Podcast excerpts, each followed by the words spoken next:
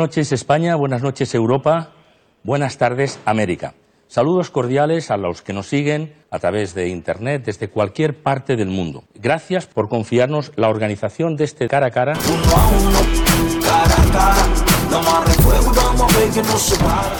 Hola, ¿qué tal? Esta semana nos quedamos con ese lamentable suceso que, ha afectado a la comparsa Sol Famidas de Campo Lameiro. Recuerdo que en la madrugada de Reyes se originaba un incendio en el pabellón municipal de Campo Lameiro que se llevó pues prácticamente todo lo que tenían. Instrumentos, trajes, eh, material, todo aquello que una comparsa necesita para participar en un, en un entroido.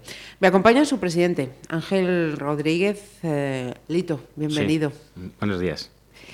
Eh, Lito, parece ser que fue un fallo eléctrico la, la, causa de este lamentable siniestro, ¿no? Sí, parece ser que fue un fallo eléctrico, un cortocircuito, y de ahí afectó al Belén y de ahí, bueno, empezó... Se montó el Belén. Se montó el Belén, sí.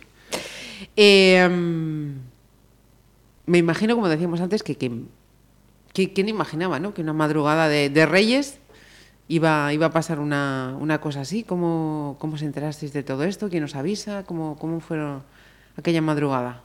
Pues eh, nosotros estábamos tocando, con, tenemos una charanga, estábamos tocando en Redondela y un compañero que vive cerca vio, vio el movimiento por allí, vio que pasaba algo y vio y fue que nos empezó a avisar de que había ardido el pabellón y ya nada, ya dejamos todo y nos fuimos corriendo para arriba y bueno, al llegar ya nos encontramos todo, todo el desastre. Caramba.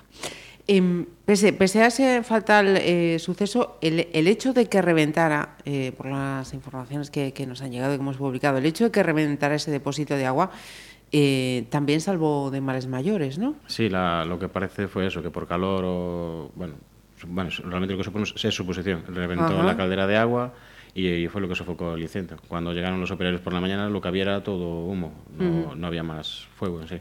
Ajá. Eh, Lito, eh, ¿estimáis las pérdidas en, unos, unos 8.000 euros? No, en realidad eso es lo que calculamos que necesitaríamos para poder salir este año. Intentar conseguir el material que nos falta, lo ciframos más o menos en 8.000 euros. Las pérdidas son bastante, bastante más. Bastante más. Sí, allí había todos los instrumentos de percusión, no solo de este año, sino de otros años, 15 años de historia, alguno que ya no utilizábamos y estuvimos calculando así con el perito y tal, y, en percusión solo alrededor de entre 12, 13, 14 mil euros, que tampoco lo sabíamos. Caray, solo en los instrumentos que se han, perdido. Luego habría que añadir ese material, los trajes que ya teníais. que Allí había todas las espalderas y trajes del año pasado y todas las trajes y espalderas del año anterior y bueno, guardamos recuerdos, siempre guardamos un par de piezas de, de cada año allí.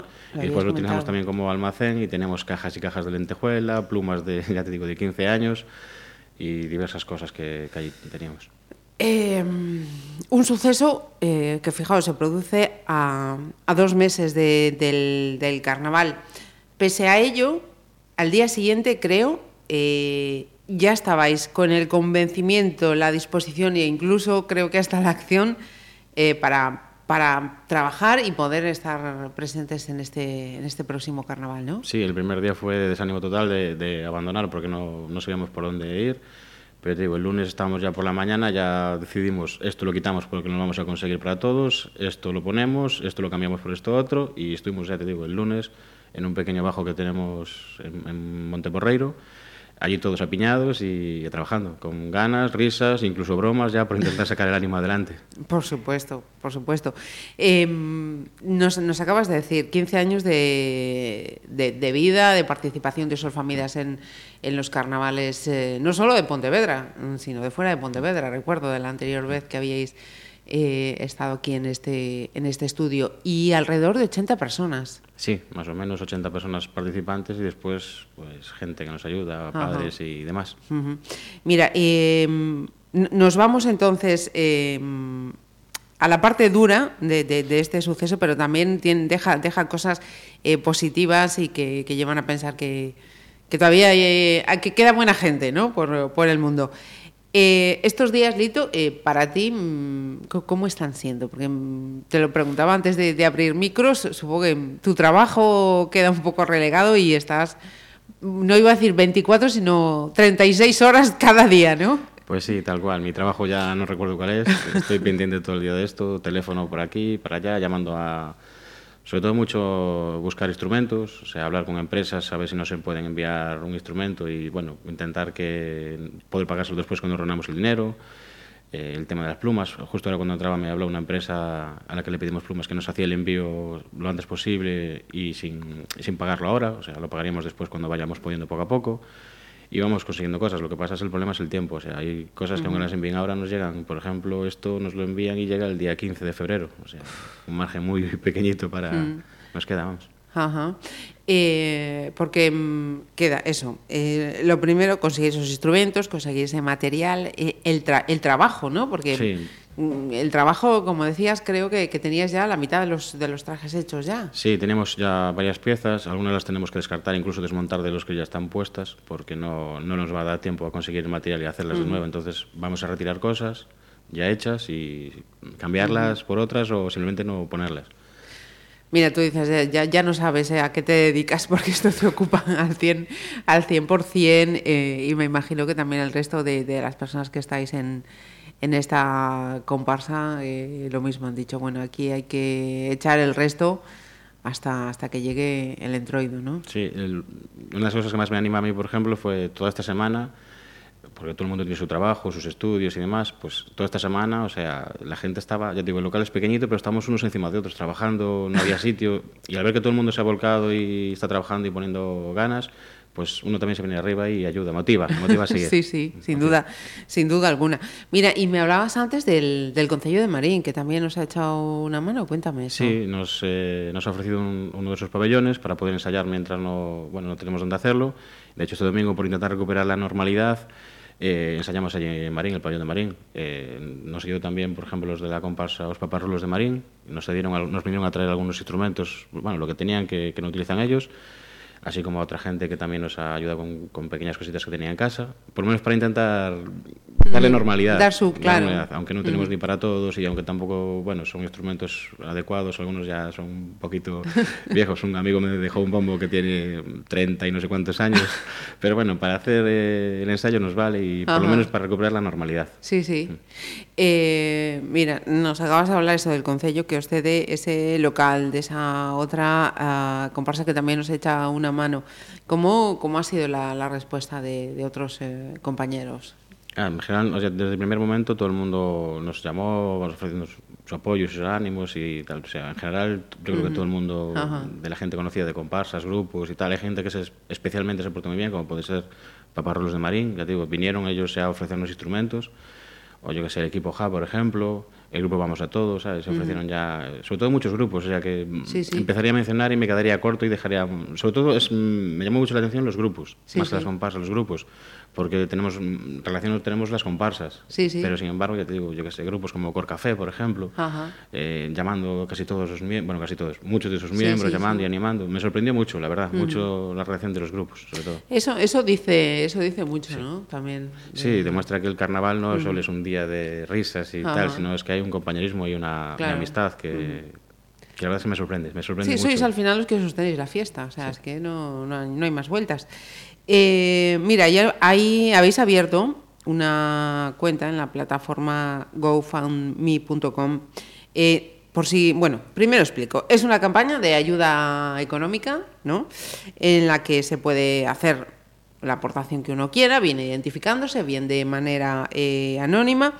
Los que queráis entrar y hacer vuestra aportación es go f u n d m e.com eh, gofundme.com así dicho los ingleses lo dirían así de otra manera gofundme pero bueno bien eh, lo vais a ver también escrito para que no tengáis ninguna duda. Eh, a comienzo de, esta semana estabais eh, casi en los 1.200 euros de esos 8.000 que decías, ¿no? que, necesitáis para, para lo imprescindible. ¿Hasta cuándo va a estar abierta? ¿Hasta, hasta último momento? Ahí... Sí, pues la tendremos hasta último momento, porque la verdad es que yo desconozco cómo funciona esto, la verdad, eh, pero lo hemos utilizado un compañero nuestro, tenemos, colaboramos con una eh, ONG que se llama Destino Uganda, en la que un compañero nuestro es quien nos representa y está de profesor los veranos en Uganda Ajá. y allí hemos enviado instrumentos, ropa y demás. Y la utilizamos eh, sobre todo para eso, para recaudar dinero para los contenedores que enviamos con, con instrumentos Con- y ropa. con ayuda, ajá. El funcionamiento suele ser buena, suele ser bastante bueno y entonces él nos propuso, vamos a crear esto, a intentar recuperar algo de dinero Sí. para poder comprar los instrumentos, porque al final, por desgracia, es si tienes el dinero, el dinero y lo pides ya, igual te llega. Si estás esperando a conseguir el dinero, Sí, no vamos a llegar. efectivamente. Esto es una carrera Sí. contra el tiempo. Sin duda, sin duda alguna. Bueno, de momento decía cas- casi 1.200 euros. Vamos a ver si, si esto sigue eh, subiendo. Sí que hay gente que se ha implicado eh, con esta causa de manera anónima, ha hecho unas aportaciones, oye, considerables. Eh, Lito, tú como presidente, em, creo que no, no estás pidiendo para ti ni para la comparsa. A fin de cuentas, eh, estáis pidiendo una ayuda, una colaboración para la fiesta de todos. Sí, bueno, yo sobre todo lo digo, pues yo sigo siempre en la comparsa por la ilusión de las niñas que, que están con nosotros y bueno, y de los chicos también, pero sobre todo las niñas, que son las que más ilusión ponen y ganas, y te da una tristeza enorme ver que con todo lo que llevan trabajado ya no se puede salir. Entonces, lo que- el recurso que hemos encontrado es este y Claro que sí. Ujú. Em,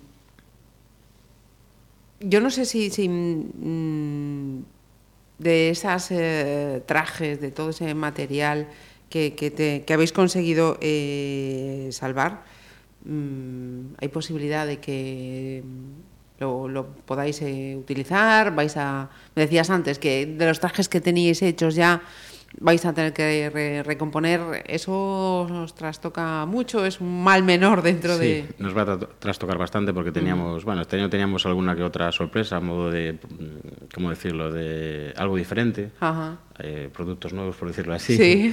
y, y nos hemos quedado sin ellos. Entonces, eso no lo podemos ya, ya recuperar. De hecho, parte de- del traje, de la temática, por decirlo así, se basaba en, ese, en esos materiales y entonces lo tenemos que descartar. Lo haremos de otra manera, pues si no es más complicada será un poquito más sencilla, pero lo, lo haremos. Si Ajá. nos llegan los materiales a tiempo, lo, lo haremos. Por, Ajá. tra- por trabajo y tiempo y ganas, No va a ser. no va a ser. Vamos a estar ahí 24 horas. Desde luego. Eh, por tanto, mm, tal y como nos vienes diciendo desde el comienzo de esta charla, Ángel, eh, podemos decir que Osolfamidas eh, van a estar en los carnavales.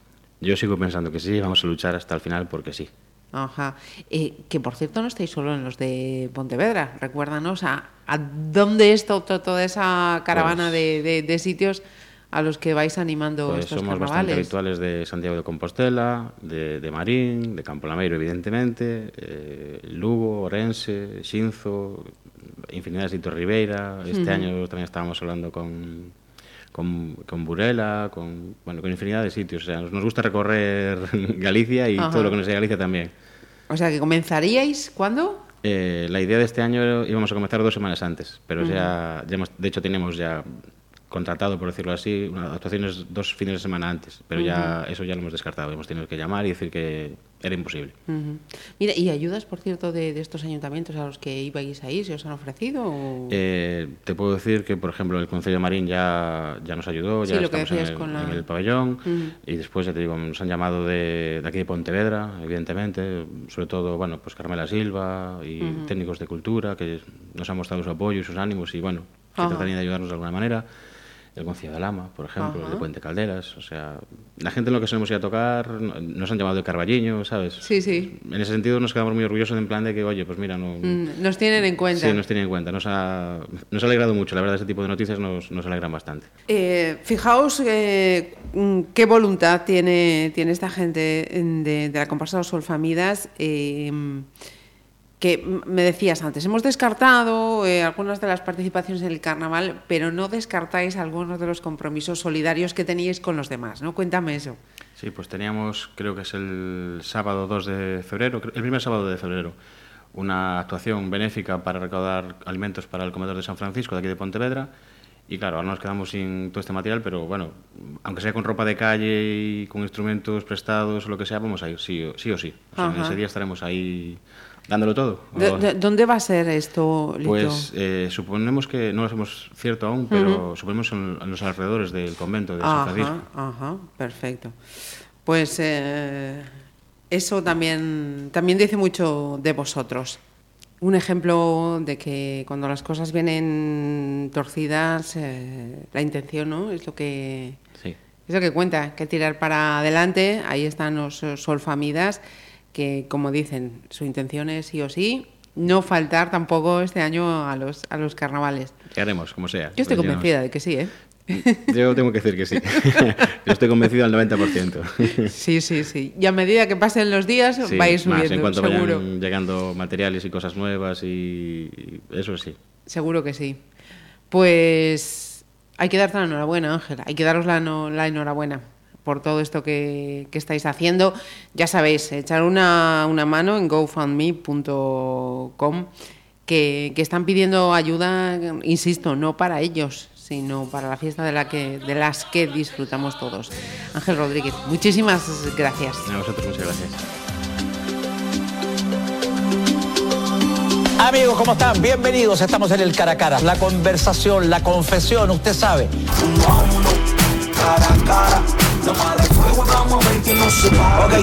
Cara a cara. Pontevedra Viva Radio. Oh.